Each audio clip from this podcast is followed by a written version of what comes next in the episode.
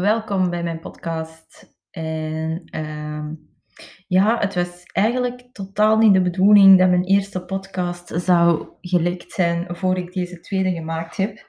Maar mijn idee omtrent de podcast is daardoor wel veranderd, omdat ik zoveel positieve reacties heb gekregen over mijn eigen struggles voor ik sportte. En ehm, ja, dat mensen zich daarin herkennen. Dus ehm, ja, eigenlijk wou ik nu iets super informatief vertellen. Ehm, iets van, van vragen van mensen dat ik heb gekregen, maar door die reacties heb ik toch besloten om er misschien beter nog even over uit te breiden, over hoe mijn uh, zoektocht naar mijn juiste, allee, juiste, naar mijn huidige levensstijl verder is verlopen. En over welke problemen ik ben tegengekomen en waarom ik dan eigenlijk coach ben geworden om, om andere mensen te helpen voorkomen dat, dat ze zoveel jaren moeten zoeken naar, naar wat werkt voor hun en dat ik hun daar gewoon bij kan helpen door hun de weg te wijzen en uit te leggen van, van kijk, ik heb zelf die fout ook gemaakt vroeger en jij betaalt mij nu om u de weg te wijzen, in plaats van het zelf te moeten uitzoeken en regelmatig mee ook op tegen de muur te lopen, zoals ik heb moeten doen. Um, dus ik had verteld dat ik vroeger, als ik studeerde, dat ik mij echt mateloos ergerde aan die vetrol boven mijn broek. Dus, um, en ja, dat ik dan eigenlijk niemand vond om mij te begeleiden met mijn voeding. Um, dus dat ik had besloten om zelf gewoon dingen te leren en om zelf die cursussen te volgen en dat dan toe te passen op mezelf. Maar ook een coach te nemen die ik dan later had gevonden via via. Um, heb ik daar een rol gevonden die mij dan ook uh, heel, heel lang begeleid heeft. Tijdens mijn crossfit-wedstrijden uh, en ook uh, tijdens mijn eerste bodybuilding-wedstrijden. Dus um, ja, dus ik ga jullie nog even meenemen in uh, de dingen die ik me nog herinner van toen. Is, um, ik had toen een boekje gevonden en dat heette het 17 dagen dieet. En het principe was als volgt. Je deed drie cyclussen van 17 dagen dat je een bepaalde structuur van dat dieet volgde. Er waren recepten bij. Die recepten waren super haalbaar. En um, ja, dus, uh, dus dat was eigenlijk wel best iets goed. Um, ik weet nog heel goed dat ik dat boekje dan mee had genomen op een dinnerdate met mijn beste vriendin toen, met Charlotte. Um, gingen wij samen eten in de Pampas, dat weet ik echt nog goed. De Pampas is trouwens zo'n all-you-can-eat barbecue restaurant, waar het dan zo jonge mannen met van die grote spiezen vlees op je bord komen snijden en van die gebakken bananen komen serveren en zo van die ananas en al. Waar je dan zoveel eet totdat je, totdat je je knop moet openzetten. En uh, dat je geen banaan of een ananas niet meer kunt zien voor de komende drie weken. Zo'n restaurant is de Pampas. Um, dus wij zaten daar. Ik, uh, ik vertelde haar van ja, kijk, ik heb het echt gehad. En um, ik voel me niet meer goed en ik wil er iets aan doen. zeg ik dan tijdens dat we all you can eat aan het doen zijn. Um, dus ik leg uit dat ik dat boekje heb gevonden en dat ik daar heel graag mee zou willen starten. En ze bekijkt dat boekje en ze zegt, ah, weet je wat, ik ga dat ook doen. Wacht nog één dag langer, dan heb ik mijn boekje ook. En dan kunnen we samen beginnen. Dus zo gebeurde het dat wij dan samen aan de 17 dagen dieet zijn begonnen. En um, ja, dat wij eigenlijk samen best wel een mooi resultaat hebben behaald. Maar um, ja, dat gaf toch niet genoeg voldoening voor mij. Het was toch niet de shape dat ik wou. Um, ik heb het altijd gedroomd van zo'n afgetraind lichaam. Ook gewoon omdat dat in een tijd waar, allee, in een tijd, ik spreek over tien jaar geleden, was het heel erg de mode om super skinny te zijn en om, om heel mager te zijn. Maar um, als er één ding is wat ik nooit zal zijn, is het super skinny of heel mager. Want mijn structuur, mijn skeletstructuur is gewoon niet zo gebouwd. Dus ik moest ja, roeien met de riemen dat ik had. Dus skinny zat er niet in, maar ik dacht wel van ja, oké, ik kan wel een platte buik hebben. En um, ik kan wel een beetje afvallen. Dus dat, dat heb ik dan ook gedaan, maar ik was totaal niet tevreden met hoe dat ik eruit zag. En toen ben ik beginnen dromen over, over gespierd worden, over ik wil abs, ik wil, ik wil een mooie ronde poop, ik wil, ik, ik wil gewoon afgetraind zijn. En ehm, ja, toen ben ik ook beginnen crossfitten, waar mijn lichaam echt super hard op gereageerd heeft. Maar ja, dat is, achteraf gezien is dat ook super logisch. Want ehm, je ziet ook bij crossfit dat de vrouwen over, allee, relatief gespierder zijn dan de mannen. Gewoon omdat CrossFit high volume is en high volume werkt heel goed bij vrouwen.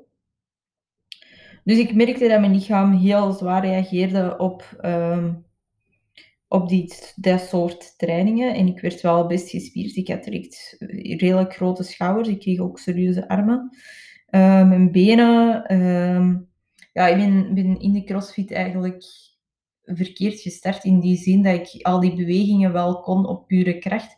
Dus mijn techniek zat in het begin dat ik groepslessen deed niet super, waardoor ik heel quad dominant was met zowel squats als de Olympic lifts van clean and jerk en snatch. Dus dat maakte dat mijn quads overontwikkeld uh, waren in, tegens, allee, in verhouding met mijn hamstrings en mijn glutes. Dat zijn dingen dat ik nu weet, omdat ik een aantal jaar bodybuilding doe en anders ben gaan kijken naar het menselijk lichaam. Maar op die moment was het voor mij het belangrijkste om gewoon spieren te zien. Die verhoudingen, dat kon me niet schelen. Ik wou abs en ik wou ronde spieren. Dus uh, ja, dat lukte heel, heel goed mee uh, met de CrossFit. Dan ben ik een aantal maanden met rol beginnen werken. Dan um, ja, mijn eten on track. En dat hielp dan nog beter om eruit te zien hoe dat ik wou. Als ik nu terugkijk naar die foto's, is dat, is dat super grappig. En ja, totaal niet te vergelijken met hoe ik er nu uitzie natuurlijk. Maar goed, dat was tien jaar geleden. Um, dat ik zo van die fat diets of zo van die, van die mythes aan het testen was. Um, dus ja, dan um, ben ik gaandeweg met vallen en opstaan meer proteïne aan mijn dieet beginnen toevoegen. Gewoon om, omdat ik te weten kwam dat als je spieren wilt opbouwen, dat je ook natuurlijk bouwstenen moet aanleveren. En als je je voeding laat uiteenvallen in drie voedingscomponenten in de macro's, dan heb je vetten, um, koolhydraten en proteïne. En om het heel simpel uit te leggen, is um, uw vetten zijn essentieel om transport van bepaalde vitamines, hormonen en al die dingen te garanderen. Dus je moet wel zeker een minimum hoeveelheid aan vetten in je dieet houden om gewoon gezond te blijven. Uw koolhydraten zijn simpel uitgelegd uw energie. Dus uw de brandstof voor je motor. En uw proteïnen zijn de bouwstenen. Dus de bouwstenen van je spieren, van je haar, van je nagels, van alles. Dus als je echt spiermassa wilt aanzetten, moet je natuurlijk voldoende bouwstenen aanleveren. Dus daar was ik toen achter gekomen. In dat 17 dagen dieet, dat was daar totaal niet op gebaseerd. Dat was gewoon gericht op een calorie deficit. Dus afvallen deed je wel, maar was dat spiermassa, was dat vetmassa, dat weet ik eigenlijk niet. Dat weet ik eigenlijk ook niet meer hoe dat, dat juist was. Um, maar alleszins, ik kwam erachter dat ik mijn proteïne dus moest verhogen. heb ik ook gedaan. En um, ik merkte ook dat ik heel erg aanleg had om spiermassa bij te komen. Dus met die crossfit, met die high volume training en die verhoogde proteïne, ben ik enorm, enorm gespierd geworden. En um, maar dat was ook wat ik wou. Ik keek op naar een Annie tot hier met rockharde apps. Met een, ja, wat ik nu als bodybuilder, als ik daar nu naar kijk, dan klinkt mijn maag ineens zo recht naar beneden, zo geblokt, zo gespierd, zo mannelijk. Dat zou ik nu niet meer willen, maar op die moment was dat echt wat ik wou. En um, ja, dus daar ben ik dan voor gegaan. Ik heb dan ook een aantal wedstrijden meegedraaid. Het was super leuk. Ik dacht ook, um, die wedstrijd, dat was ook mijn motivatie. Ik mikte ook altijd heel hoog. Ik had heel hoge doelen, zoals ik nu nog altijd heb trouwens. Ik, ja, what doesn't challenge you won't change you. Dus in, dat is een principe wat zowel in CrossFit als in bodybuilding is gebleven. Wat ik nog heel goed vind in mijn, in mijn, uh, in mijn weg, wat ik tot nu toe heb afgelegd, is dat je bij CrossFit doet je groepslessen, dus je wordt gestimuleerd door de rest van de groep en ook door de coach die continu op je kijkt, die corrigeert je, stimuleert om harder te gaan. En je leert wat het is om, om hard te trainen, om, ja, om door die pijn te bijten, om een beetje harder te ademen, om een beetje verzuring te hebben.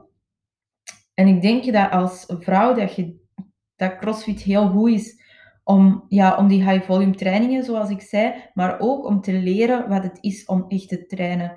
Ik merk nog altijd dat vrouwen heel terughoudend zijn. Vanaf dat het een beetje pijn doet of dat het zwaar wordt, dat ze denken van, oh nee, ik ga te gespierd worden of ik ga een man worden of ik ga, weet ik veel wat ze denken. Maar ik zie veel te weinig vrouwen zwaar genoeg trainen om resultaat te zien. Um, dus dat is ook iets wat ik geleerd heb van jaren crossfit te doen en van die wedstrijden mee te draaien. En van ook met mannen te trainen gewoon. Um, ook uh, wat ik heb geleerd is dat als je heel lean wilt worden en het resultaat wilt hebben wat ik heb gehaald op, op wedstrijden, moet je heel egoïstisch zijn. Je moet aan jezelf eerst denken en dan pas aan anderen. En dat is iets wat ik de laatste, het laatste jaar, de laatste paar maanden heb gemerkt, is dat ik met mijn job als verpleegkundige moet ik altijd aan anderen denken. Met je relatie, als je een relatie hebt, moet je altijd aan die anderen denken, anders werkt je relatie gewoon niet. En ik heb gemerkt dat die combinatie van die twee, van altijd voor anderen te zorgen en toch willen preppen en aan mezelf moeten denken, dat dat te veel werd voor mij.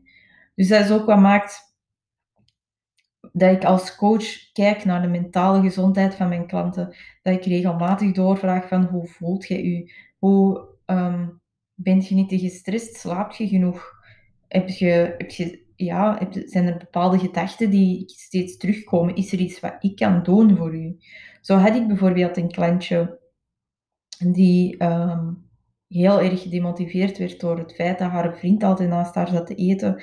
Terwijl die vriend vroeger ook bodybuilding heeft gedaan, die heeft ook wedstrijden meegedraaid. Maar die zijn eigen een beetje verloren heeft in die suiker, in die, ja, in die verslaving van de, van de moderne maatschappij. En um, ja, en dan ook nog een aantal andere zaken hoor. Het was haar werk, het was, het was een heel gedoe. Maar het punt is, ik kon één van die dingen oplossen. Ik zeg van, kijk, wat, wat is uw vriend aan het doen? Wat is zijn doel? Sport hem nog. En bleek dat, dat hij ook eigenlijk wel terug on kwam, maar dat hem steeds de motivatie verloor doordat zijn schema zo saai was. Of doordat, ja, doordat hem gewoon de motivatie niet meer had. En um, wat heb ik dan gedaan? Ik heb gezegd van, kijk, ik kan uw werkgerelateerde problemen en die stress kan ik niet van u wegnemen. Maar wat ik wel kan doen, is ik kan een schema voor uw vriend opstellen, gebaseerd op uw schema. En ik kan daar leuke dingen in steken, lekkere dingen. Niet gewoon saai kip met rijst en, en groentjes, maar bijvoorbeeld een pizza gemaakt van een wrap of, of een pita broodje gevuld met voldoende kip en groentjes. En um, ja, en zo heb ik dan, dan kan ik op die manier toch één, één van uw stressors wegnemen. Wat denk je daarvan? En ze was heel enthousiast met dat idee en, en zo hebben we dat dan ook opgelost. Ehm, maar dat is maar gewoon om een voorbeeld te geven van hoe ik heb geleerd dat het mentaal welzijn eigenlijk ook heel veel invloed heeft op hoe je eruit ziet en uh, over hoe je je doelen wilt bereiken. En Ehm, ik ben totaal aan het afwijken van mijn punt eigenlijk. maar goed, het was een heel mooi verhaal um, dat ik toch absoluut wou delen met jullie. En um, waar was ik dus? Ik was aan het zeggen dat ik, ah ja, dat ik heel veel spiermassa heb gewonnen met die crossfit. Dat ik, een, dat ik een beest wou worden, dat ik eigenlijk een man wou worden. Als ik daar nu op terugkijk. Maar ja, mijn, mijn, mijn visie over de gespierde vrouw is ook totaal anders geworden. In mijn ogen een schone vrouw. Ik, ik ben nooit voor dat skinny geweest, gewoon omdat ik zelf zo nooit kan worden. En dan worden daar zo'n beetje anti, anti voor. Um, maar wat ik een heel mooie vrouw vind, is een vrouw die voor zichzelf zorgt. Die moet niet per se afgetraind zijn, maar gewoon verzorgd. Je haar is mooi, je nagels zijn mooi, je make-up is oftewel natuurlijk, oftewel heel mooi gedaan. Maar iemand die gewoon aandacht aan zichzelf besteedt, die voor zichzelf zorgt, dat vind ik heel mooi. En uh, ik vind sporten daar een onderdeel van, van, van voor jezelf zorgen. En ook essentieel, gewoon, je kunt niet elke dag alleen maar werken, eten en slapen. En dat is wat corona met ons heeft gedaan. Alleen maar werken, eten en slapen en niet meer sporten. Geen ontspanning meer, geen dingen gaan drinken of eten of gezellig samen zijn, geen sociaal gebeuren meer. Alleen maar met je huisgenoot of je partner of je broer, zus, papa, weet ik veel maar kort op elkaar zitten. En dat is ook wat heel veel relaties um, de nek heeft gekost. Veel mensen zijn uit elkaar gegaan, omdat die ontspanning wegvalt, die sport valt weg, die zelfzorg valt weg. En ehm, ja, dat is, ga je gewoon weer aan het afwijken, hè? maar goed, um, dat terzijde. Dus wat ik een heel mooie vrouw vind, is iemand die voor zichzelf zorgt, is ook sport en de juiste voeding uh, aan zichzelf geeft, zeg maar, of die gewoon goed eet, op zijn eten, op haar eten let, om gewoon gezond te blijven, om dat uit te stralen van kijk, ik zorg voor mezelf, ik voel me goed en ik vind dat belangrijk. En dan pas kun je voor anderen zorgen. Uh, mijn ideaal beeld van uiterlijk is momenteel uh, ja, dat is heel moeilijk te zeggen. Ik zal zeggen wedstrijdgericht. Uh, die wellness-categorie momenteel vind ik echt bangelijk schoon. Hè? Maar echt bepaalde mensen wel maar. Die Yarishna vind ik echt wauw. Zo wil ik er ook wel uitzien. Maar ik weet dat ik... Ik ga, ik ga ongeveer in de buurt komen en ik ga mijn eigen versie brengen. Ik ga nooit één op één hetzelfde kunnen zijn, maar ik kan wel heel close komen. En voor off-season of voor mensen die geen wedstrijdambitie hebben, vind ik het mooi om ontwikkelde benen te hebben. Dus om toch wel iets van beenspieren te hebben. Een mooi ontwikkelde kont, dus goede glutes met niet te veel vet op, maar wel gespierde glutes. Als je genetisch gezien aanleg hebt om daar vet op te bouwen, prima. Zolang het um, niet te veel blubbert als je, als je snapt wat ik bedoel. Niks mis met een blubberende kont, absoluut niet. Maar het is, ben gewoon mijn um, ideaalbeeld aan het meegeven. Um, schouders, mooi bal. Dat die taille smaller lijkt. Dus eigenlijk het perfecte vrouwelijke figuur is voor mij een zandloperfiguur. Um, en geen skinny bitch of geen uh, geen te gespierde, niet meer. Maar dat is het ideaalbeeld voor mij. Wat uw ideaalbeeld is, is uw ding. En dan moet je zelf volledig uitmaken voor jezelf en daar ook naartoe werken. Kunt je dat niet alleen, neemt je een coach onder de arm en vraagt je van, van kijk, help mij, begeleid mij, toon mij de weg. En maak niet de fout die ik heb gemaakt. Allee, het is geen fout, ik had gewoon niemand om me te begeleiden. En uh, te helpen in, in ja, in wat ik wou. Dus ja, ik heb er tien jaar over gedaan, maar mijn proces zou veel sneller geweest kunnen zijn, moest ik de juiste personen rond mij gehad hebben om mij te begeleiden. Dus uh, wat je doel ook is, denk daar heel goed over na. Van wat wil ik voor mezelf? Waar wil ik naartoe? In welke situatie zit ik nu? Ben ik blij met die situatie? En dat is niet enkel op fysiek vlak, maar ik bedoel ook op mentaal vlak. Ben ik blij met mijn job? Ben ik blij met mijn vrienden? Ben ik blij met mijn omgeving? Denk daar allemaal over na. Denk ook van waar wil ik naartoe? Wat wil ik bereiken? En is de huidige situatie daar bevorderend voor? En is dat niet zo, dan moet je denken wat jij belangrijk vindt in je leven. Om een voorbeeld te geven, voor mij mijn absolute nummer één prioriteit is mijn gezin. Dus Maxime, Snoekie, ik, mijn vader, mijn broer. En uh, als daar iets mee is, dan mag, er, mag de wereld in brand staan. Ik ga daar naartoe. Um, mijn prioriteit nummer twee is, um, ja, is, is inderdaad um, mezelf. Dus voor mezelf zorgen is heel belangrijk ook om een nieuwe burn-out te voorkomen. Dan mijn prioriteit nummer drie is de sport. Dus uh, mezelf continu ontwikkelen. Maakt niet uit of dat op wedstrijdniveau niveau is, maar liefst wel natuurlijk. Ehm, ik ben gepassioneerd door bodybuilding, dat kan ik wel zeggen. En dat is ook wat ik graag doe. Dus ik, uh, ik honger mezelf uit voor, voor fun. Nee, nee, mopje. Nee, ik... Uh, ja, het is tijdverdrijf. En ik doe het graag. Dus Vind uw passie en ga daarin verder. Mijn um, prioriteit nummer drie is mijn bedrijfje. Dus um, professioneel ontwikkelen, mij professioneel um, bezighouden en mensen kunnen helpen, anderen helpen. Dat, dat is ook echt voor mij een prioriteit. en ik had nog een vierde prioriteit, maar zo belangrijk zal ze niet zijn als ik ze vergeten ben. Dus misschien kom ik er later nog op terug, misschien ook niet. Maar ik ga mijn babbeltje hierbij laten. Het was soms een beetje onsamenhangend en ik ben regelmatig afgeweken van mijn verhaal. Waarvoor mijn excuses, maar ik hoop dat je er iets aan gehad hebt aan mijn bedenkingen. Um, dus uh, heb je vragen voor mij? Heb je tips om een nieuwe podcast op te nemen? Of uh, ja, zijn er dingen die je graag zou willen horen op een volgende episode? Laat het me weten. En uh, ik zie wat ik voor jou kan doen. Heb je hulp nodig met coachen of met begeleiden? Of wilt je gewoon eens wat duidelijkheid over of, of je doel haalbaar is en hoe ik het zie? Feel free om mij te contacteren via een privébericht op Instagram of via Facebook of um, op de e-mail info.mefactie.com. En we kijken samen eens naar uw situatie dan en vandaar gaan we verder.